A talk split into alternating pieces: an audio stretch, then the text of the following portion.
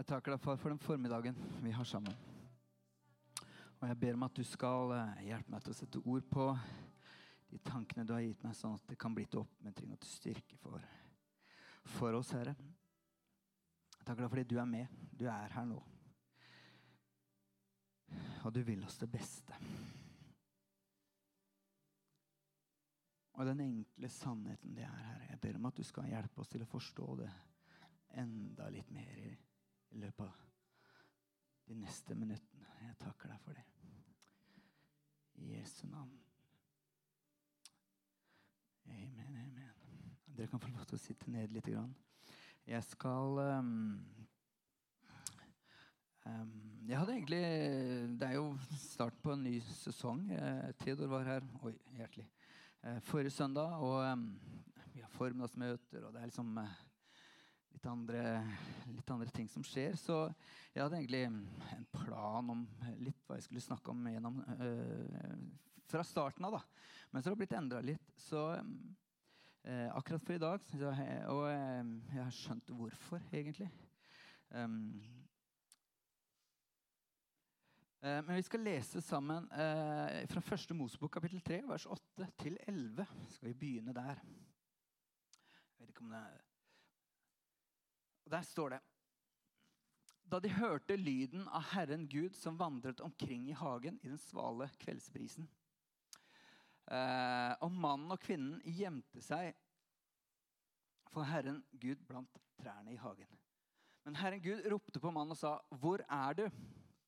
Han svarte, 'Jeg hørte lyden av deg i hagen og ble redd fordi jeg var naken, og jeg gjemte meg.'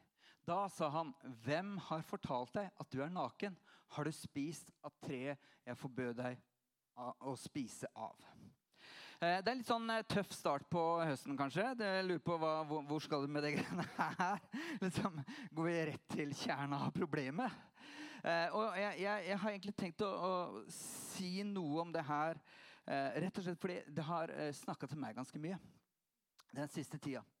Uh, fordi jeg, jeg, er på en reise gjennom Gammeltestamentet. Det er en del ting jeg prøver å finne ut av der.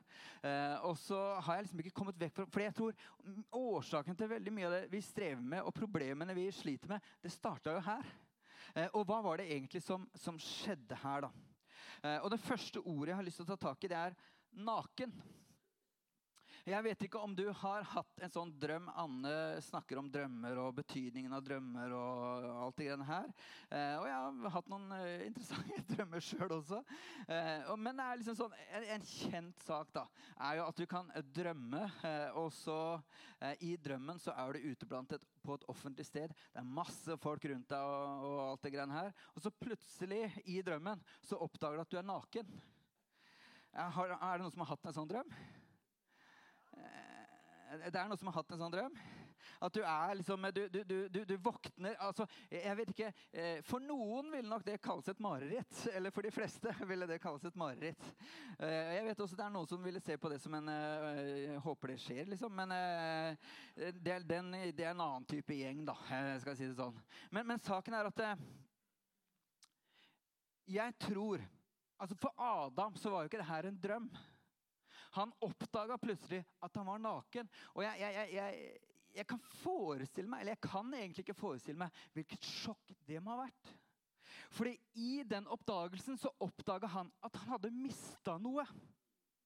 Noe var borte av det han så på som trygghet, som han så på som en, en, en eiendel. Altså, og, det var, det handla mer om, om mer enn de klærne, liksom det, at, hva du har på deg. Men han hadde mista noe mer. Apropos det her, en nabo jeg har eh, eh ikke har, for det ville være veldig stygt. da. En nabo jeg hadde et eller annet sted jeg har bodd en eller annen gang. eh, uten å nevne navn. Han, eh, det var 17. mai-tog. Og Så tusla han i 17. mai-toget, og så hørte jeg en kar ved siden av meg som ropte Er det sånn du ser ut med klær på? Eh, fordi han hadde vært på firmafest eh, litt før denne 17. mai-anledningen og funnet ut at han skulle bade naken. Han hadde fått en del eh, innabords, så han bada naken. da. Og Så det her kom i, i 17. mai-toget, så var det, ropte de etter han. Eh, er det sånn du ser ut med klær på? Ok, Så jeg tenker at For han så var det også et mareritt i levende liv, på en måte. Men saken er at det, nå står det ikke beskrevet detalj, er, er, er, konkret hva var det de mista. Men jeg tror at vi kan få en indikator om hva, har, hva, hva de mista, ved å lese videre i Bibelen på hva Gud prøver å gi oss tilbake til oss. Er dere med på tanken? Og av eller noen av de tinga som han ønsker å gi tilbake til oss Nummer én det er identitet. Flere steder kan du lese hvor det står at vi var uten Gud i denne verden. Vi var eh, uten Gud i denne verden. Vi, vi, vi hadde mista eh, relasjon med Han. Og når Jesus kom, hva var det han gjorde? Jo, han ga identitet ved å si at vet du hva, du er ikke bare eh, hvem som helst, men jeg introduserer deg for, min, eh, for, for, for, din far i himmelen. Altså, Du er et barn av meg. Jeg, jeg, eh, du er elska. Du er verdsatt. Du er ønska. Han introduserte seg som en, en Gud som ikke bare er fjernt borte, men som ønsker å være nær. Som ønsker å være personlig, som ønsker å være deltakende i våre liv. Så du kan si det Adam mista der, var faktisk Han mista noe av det. Han mista det! Og jeg kan tenke meg hvilket sjokk det må ha vært for han som egentlig bare tusla rundt med og, og kunne oppleve å være der sammen med Gud i hagen. En annen ting som han mista Jeg sier ikke at det er det eneste, men en annen ting han mista, det var hensikt. Eh, fordi eh, når det står 'vi var uten Gud', så står det ofte sammenheng med 'vi var uten Gud og uten håp i denne verden. Og jeg henger meg på det som Theodor snakka om forrige søndag. For jeg tror det er sånn at når vi mister perspektivet om Gud og evigheten, så vil det ha innvirkning på hvordan vi lever livene våre nå. Det er noe med at når vi har Han, så får livet vårt mening. Men hvis vi kutter ut Han, eller mister han, så blir det noe med den meningsløsheten som det livet her kan by på. Og Jeg, gjerne, jeg skulle gjerne snakka mer om det. Men det liksom, altså, når vi har han, så er det en vinn-vinn-situasjon. Fordi det gir en mening til livet vårt. Vi, vi, har en betydning, vi har en hensikt, vi har noe å leve for. Vi har en oppgave. Vi har et startpunkt.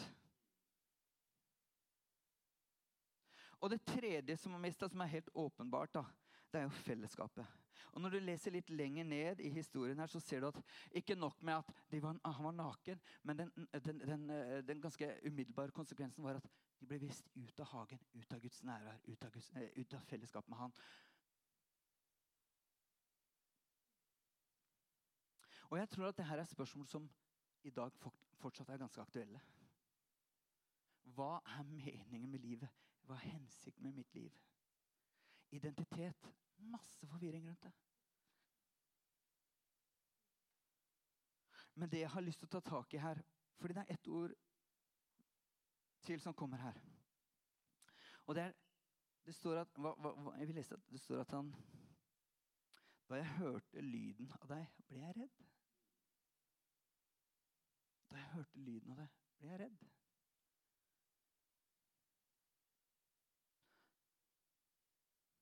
Den første negative emosjonen som står dokumentert i Bibelen, vet du hva det er? Frykt. Jeg snakka med min datter Frida om det. her. Jeg fortalte litt om hva jeg skulle snakke om. Og jeg sa ja, men pappa, er ikke den første emosjonen skam? Voksent sagt. Jeg er imponert, rett og slett. Og du kan alltids argumentere for at skam er den første emosjonen. Altså han gjemte seg. Men du kan si i skammen så ligger frykten. En er frykt for å bli avslørt, frykt for straff. Det er, det er så mye vondt i det, på en måte. Og det Adam opplevde, det var at når han, når han oppdaget at han vaken, var naken, så opplevde han oi, jeg har mista Guds beskyttelse. Og jeg står ubeskytta overfor fiendens angrep. Og han måtte klare seg sjøl. Han sto på egne bein. Og jeg kan tenke meg at det, det åpner for all mulig slags frykt og usikkerhet med god grunn. Dere henger på? Og Nå skal ikke jeg legge for mye i det. Det er liksom ikke sånn at jeg skal, eh, jeg skal liksom eh, gjøre det til det største i verden. Men, men, men saken er at jeg tror at frykt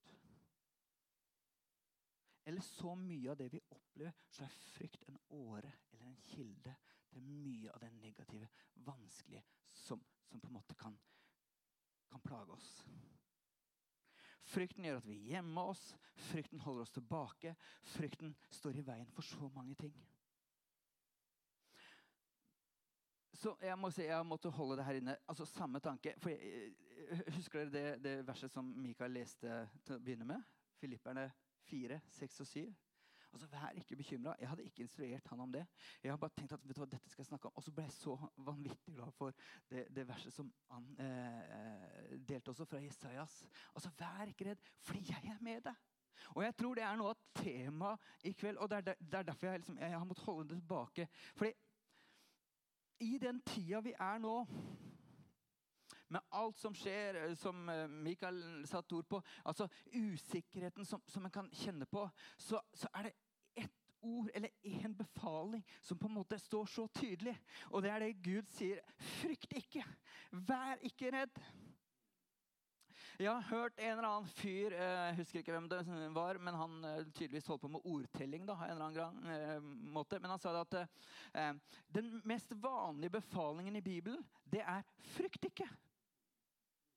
Frykt ikke. Jeg vet ikke men, uh, om det er det mest vanlige, men jeg kan i hvert fall bekrefte at den står veldig ofte. Frykt ikke, folkens. Frykt ikke. Frykt ikke. Frykt ikke. Og veldig ofte så den, er den kobla med noe som gir substans til, til at ikke vi skal frykte. Fordi 'jeg er med', står det. Frykt ikke fordi jeg er med.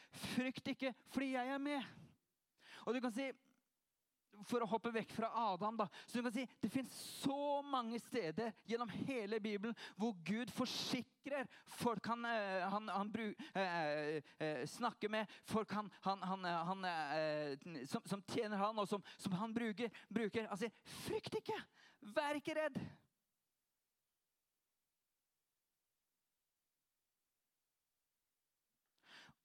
Og nå må jeg personlig eh, si det at uh, jeg tror det er det beste jeg kan høre. Det er mange ting som kan forsikre meg om at dette skal gå bra. Men idet en har en opplevelse eller en erfaring med at, at Gud taler dette skal gå Jeg kan ikke få en bedre forsikring enn det. For om alt annet rakner, han er i hvert fall trofast. Han rokkes ikke. Og Jeg skal ta noen kjappe eksempler på det her. Fordi jeg tenkte, kan, Har dere lyst til å bare være med på en bitte liten reise gjennom Bibelen? Hvor, hvor det her står litt om det. Og Den første punktet som jeg har lyst til å stoppe ved, eh, det er om Moses. Og nå, nå, skal gå, nå skal jeg ikke lese, lese, de tingene. Jeg skal bare gjenfortelle, for det blir veldig mye å, å, å, å lese. Men Moses ble jo kalt av Gud til å føre Israel ut fra Egypt og lede dem inn i det nye landet. Og det som er så interessant er at Selv om de mm, rota det til og bråka og ikke fikk det her ordentlig til, og alt det som skjedde, så sa Gud at 'jeg skal være med dere'. Og En av de tingene som han ga dem, det var at om dagen så var det en skystøtte som hvilte over leiren de var. Og på natta så var det en ildsøyle som lyste om natta, som de kunne se. Og Jeg, jeg synes det er fascinerende. De hadde et fysisk bevis på at Gud var til stede. Og, og, og det, det, kunne sikkert snakke om mange ting, akkurat de tingene her. Eh, det, den skysøtta, det lyset. Men jeg tror kanskje kan, jeg, jeg, vet ikke, jeg skal ikke ilegge dem noe, men jo, jeg gjør det. Jeg tror Noe av det viktigste den de kunne si, det var at 'jeg er her'. Altså, Tenk når de ser den skysøtta. Jeg er her. Når de ser det lyset om kvelden, så tenker de om natta Jeg er her. Jeg er med dere. Og pga. at jeg er med dere, så kunne de senke skuldrene, de kunne slappe av og tenke Jeg er trygg. Og det som var det var at når den bevega seg, da var det ikke sånn at ok, da bare Vi ses igjen, liksom. Nei, de fulgte etter. De ville jo ikke vike fra den, de ville jo holde seg i nærheten av den. Så når den bevega seg, så hang de på. Når den gikk til et nytt sted, så hang de på. Det var måten Gud leda dem på. Fordi de ville være sammen med han. Og det er ved en anledning så står det at Moses tenkte Eller de hadde rota det til. De, de var jo eh, de, Les uh, Mosebøkene til neste gang. Neida. Men i alle fall når de, når de gikk gjennom uh, alle de tinga de, de, rota det til med, så var det ved en anledning hvor Gud sa at vet du hva, nå orker jeg ikke mer. Nå, nå får dere klare dere aleine. Så han sa til Moses vet du hva, jeg gir deg en engel isteden, så kan han tusle foran deg og, og vise vei. Og så, og så holder jeg meg litt unna her. Og det Moses sa da, var Aldri i verden. Hvis du forlater meg eller forlater oss, så vil ikke jeg gjøre jobben min. Fordi uten deg så tar jeg ikke sjansen. Du må være med. Du må være med. Og faktisk var det sånn at det ble et rykte blant fiender som, uh, Adi, som, sa, som, som sa sånn at Vet du hva? Vi tør ikke angripe dere. Vi tør ikke gjøre noe med dere, fordi vi vet hvem som er med dere. De var trygge og ble beskytta pga. ryktet som gikk om at Oi, han som er med de, han er større enn han som er med oss. Og så var det Josfa. da, det skal jeg lese. Josfa skulle ta over og lede folket videre. Faktisk lede de inn i landet, da. Og hva er det? Han, han er en ung fyr som skal få en sinnssyk oppgave gå, liksom, eh, lede folk etter Moses. Hva er det Gud sier til han?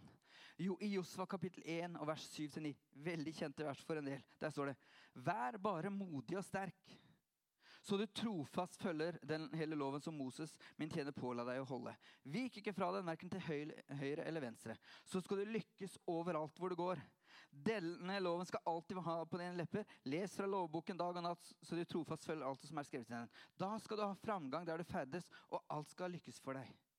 For jeg har jo sagt deg, vær modig og sterk. La deg ikke skremme, og mist ikke motet. Fordi Herren, din Gud, er med deg overalt hvor du går. Han fikk et løfte. Jeg er med. Jeg er faktisk litt usikker på om Josua hadde gjort det uten det greiene der. Den siste, det, det siste setningen er den avgjørende setningen. For du tør.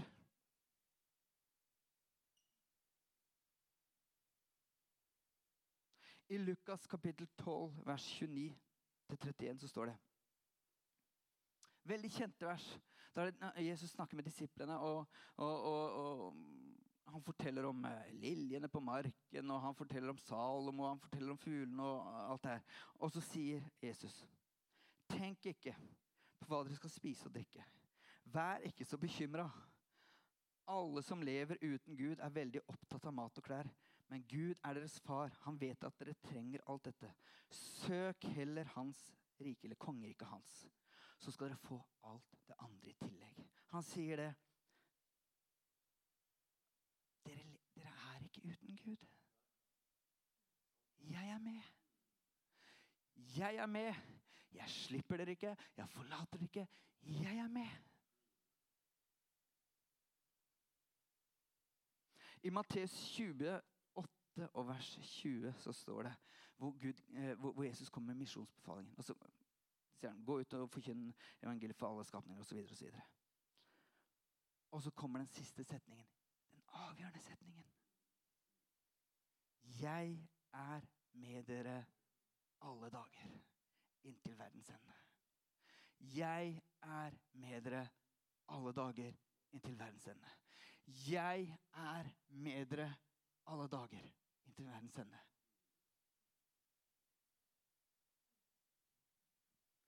Nå skal jeg lese Filipperne 4, vers 6 og 7 som Mikael siterte også, eller leste. Der står det Vær ikke bekymret for noe, men legg alt dere har på hjertet, framfor Gud. Be og kall på ham med takk, og Guds fred, som overgår all forstand, skal bevare deres hjerter og tanker i Kristus Jesus. Vær ikke bekymret for noe, men la alle ting Jeg leser det ordentlig her. Men legg alt dere har på hjertet, fremfor Gud. Be og kall på ham med takk. Og Guds fred, som overgår all forstand, skal bevare deres hjerter og tanker i Kristus Jesus. Legg alt framfor Gud. Han er med. Han er med.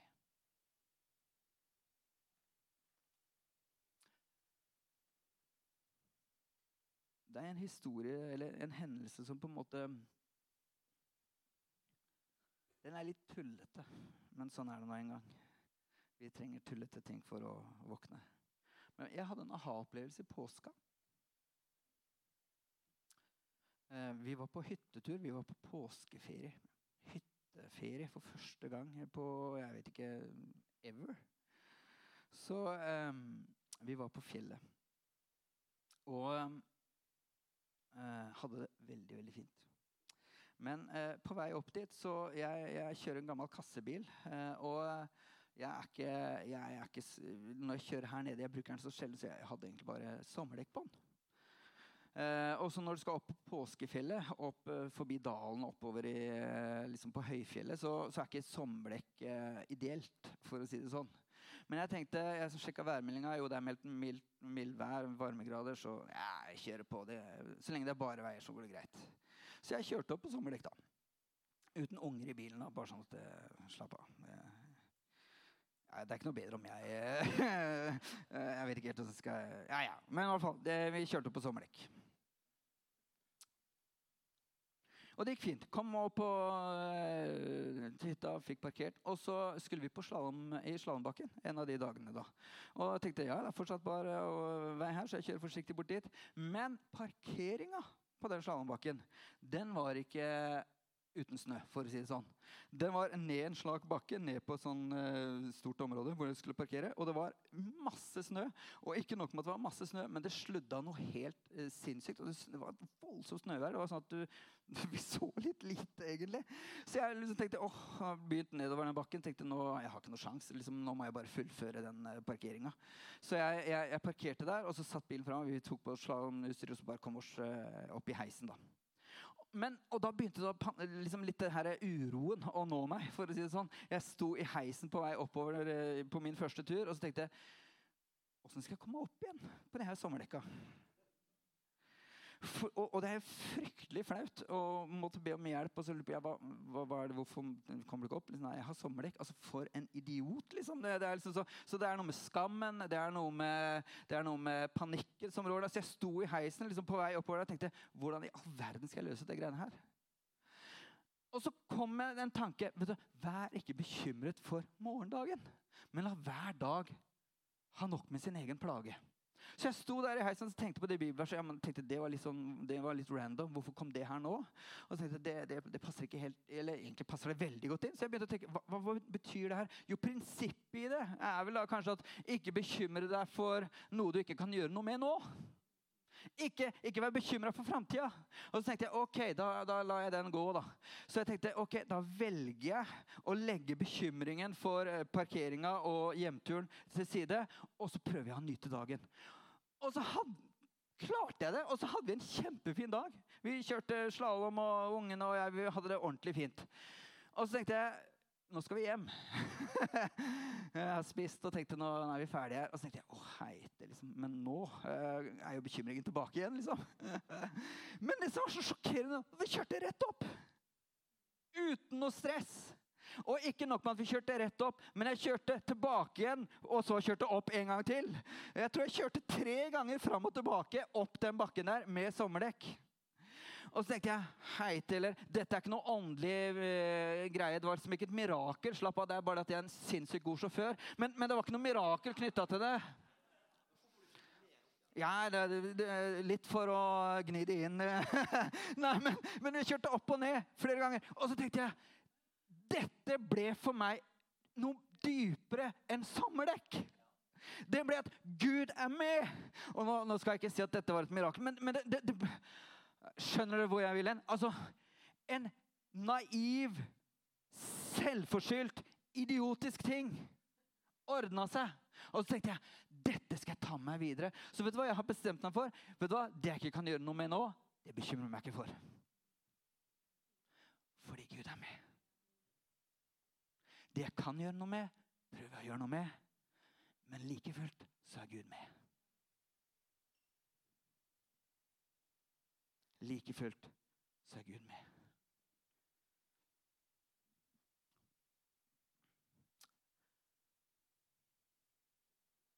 Det er vel dere, da.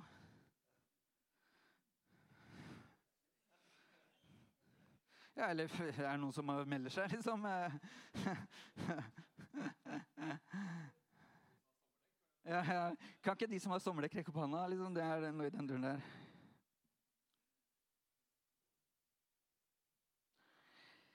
Uh, jeg har et punkt her. Evangeliet på ett minutt.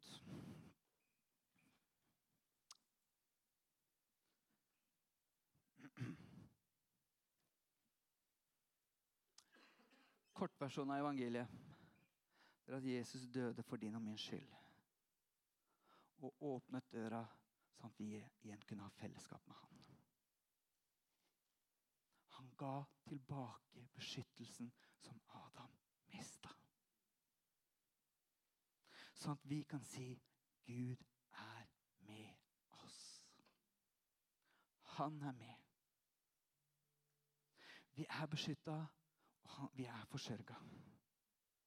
Og han har gitt oss en heftig rustning som du kan lese om i Feserne 6, som slukker alle fiendens brennende piler.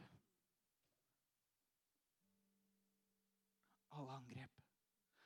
Så der har vi, Adam mista beskyttelsen, så har vi fått den tilbake. Der han ble avkledd, så har vi blitt påkledd.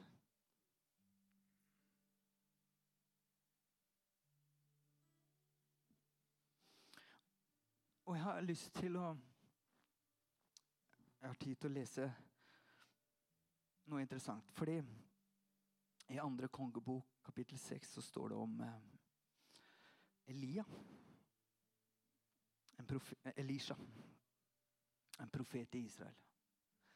Um, og, og, og, problemet den gangen var at det var en gjeng fra et annet land, en arameerkonge, som kom og plyndra de hele tida. Skulle ta de. Men Elisha fikk et hint om hva de hadde tenkt til. Så hver gang de kom, så, så var Israel klare. Sånn at de kunne beskytte seg. Og det som skjer da, det er at eh, Arameerkongen får høre om det her at det fins en profet som, som, røper planene våre. Så istedenfor å ta Israel, kan vi ikke heller ta profeten. Da, jeg, da, tenker jeg hvor dum går han å bli? tenker jeg. Men sånn er det nå en gang. Så de tenkte da tar vi profeten. Og så kommer de til profeten Elisha for å ta han. Funker ikke så veldig godt. Men du har en, en tjenestegutt som heter Gehazi, som blir litt stressa over å se hele hæren til arameerne på utsida. Liksom, Åssen i all verden skal komme oss ut av det her? Og da sier Elisha noe interessant. Han svarte. Vær ikke redd, for det er flere med oss enn de som er med dem. Så ba Elisha og sa, Å Herre, lukk opp guttens øyne så han kan se. Herren åpnet øynene hans, og fikk se fjellet fullt av ild. Hester, ildvogner rundt omkring Elisha. Og nå, vet jeg at, nå er ikke mitt poeng at du skal åpne øynene her og se ildvogner og krigere eller engler eller hva det var han så. Men at Gud kan åpne våre øyne, så at vi forstår at Gud er med.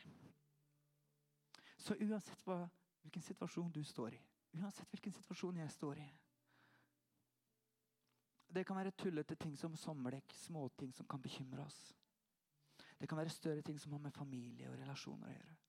Det kan være økonomi, det kan være så mange ting. Og Nå sier jeg ikke nødvendigvis at det er en quick fix, men det som er betryggende å vite, det er at Gud er med. Så midt i alt det som skjer, så er det en vei ut. Og Gud, kan ikke du vise meg den veien? Så istedenfor å bekymre seg, så kan kanskje spørsmålet endres til Gud, vis meg din vei. Hjelp meg. Fortell meg. Hvordan? Jeg tror det her er noe av fundamentet som vi trenger å være trygge på. At han er med. For når han er med, når vi vet det, så vil de andre tinga rette seg inn.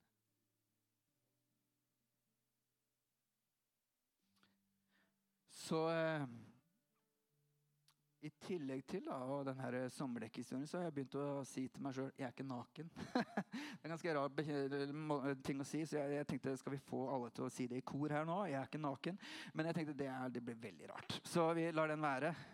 Men saken er at jeg vil at du skal se på deg sjøl som påkledd. Du er ikke naken. Du er ikke ubeskytta. Gud er med. Så hvilken som helst situasjon du kommer i, så kan du si 'Jeg er ikke naken'. Jeg har sagt det en del ganger i det siste, bl.a. med bemanning arena. alt som vi har med å gjøre her, så tenker jeg vet du hva, jeg er ikke naken. Jeg er ikke ubeskytta. Gud er med. Han taler, han leder, han kaller, han virker. Han er med. Så istedenfor å si jeg, jeg, jeg, er ikke naken, så er det kanskje bedre å si han er med. Han er med. Jeg takker deg, far, for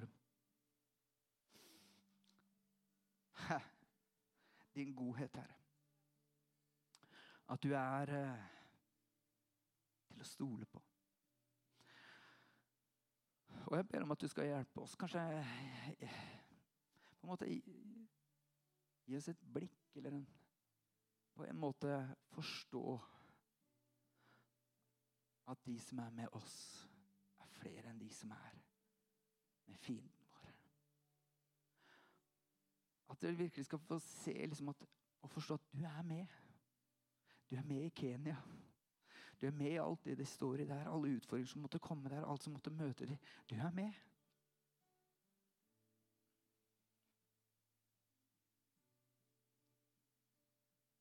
I kirka vår. Du er med i, i, i, i, ulike situasjoner som måtte møte oss personlig. Du er med. At, at, det, skal, at det skal åpne øynene våre som virkelig har en forventning og stiller deg det her spørsmålet. Hvor er du i det her? Hvor, hvor, hva er din vei i det her? Hvordan kan, hvordan kan du lede meg ut av det her? Jeg takker deg, Jesus for det enkle. Den enkle sannheten, den enkle budskap, egentlig.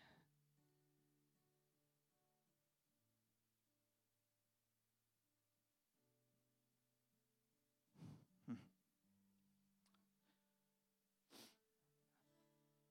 Um, jeg tror det er noe som um, har forberedt seg sånn at du, hvis du ønsker noen å snakke med eller be sammen med, så så er det tilgjengelig for det. For vi tror at Gud er med. Og han er med når vi ber. Han er med når vi I hverdagen. Han er med alltid. Så hvis du Jeg vet ikke hvem er det som eh, Jeg tror det er noe, men det er, i hvert fall bak der så vil det være noen som kan be sammen med deg for din situasjon. Og så avslutter jeg her. Men kan vi ikke reise oss og så løfte blikket og så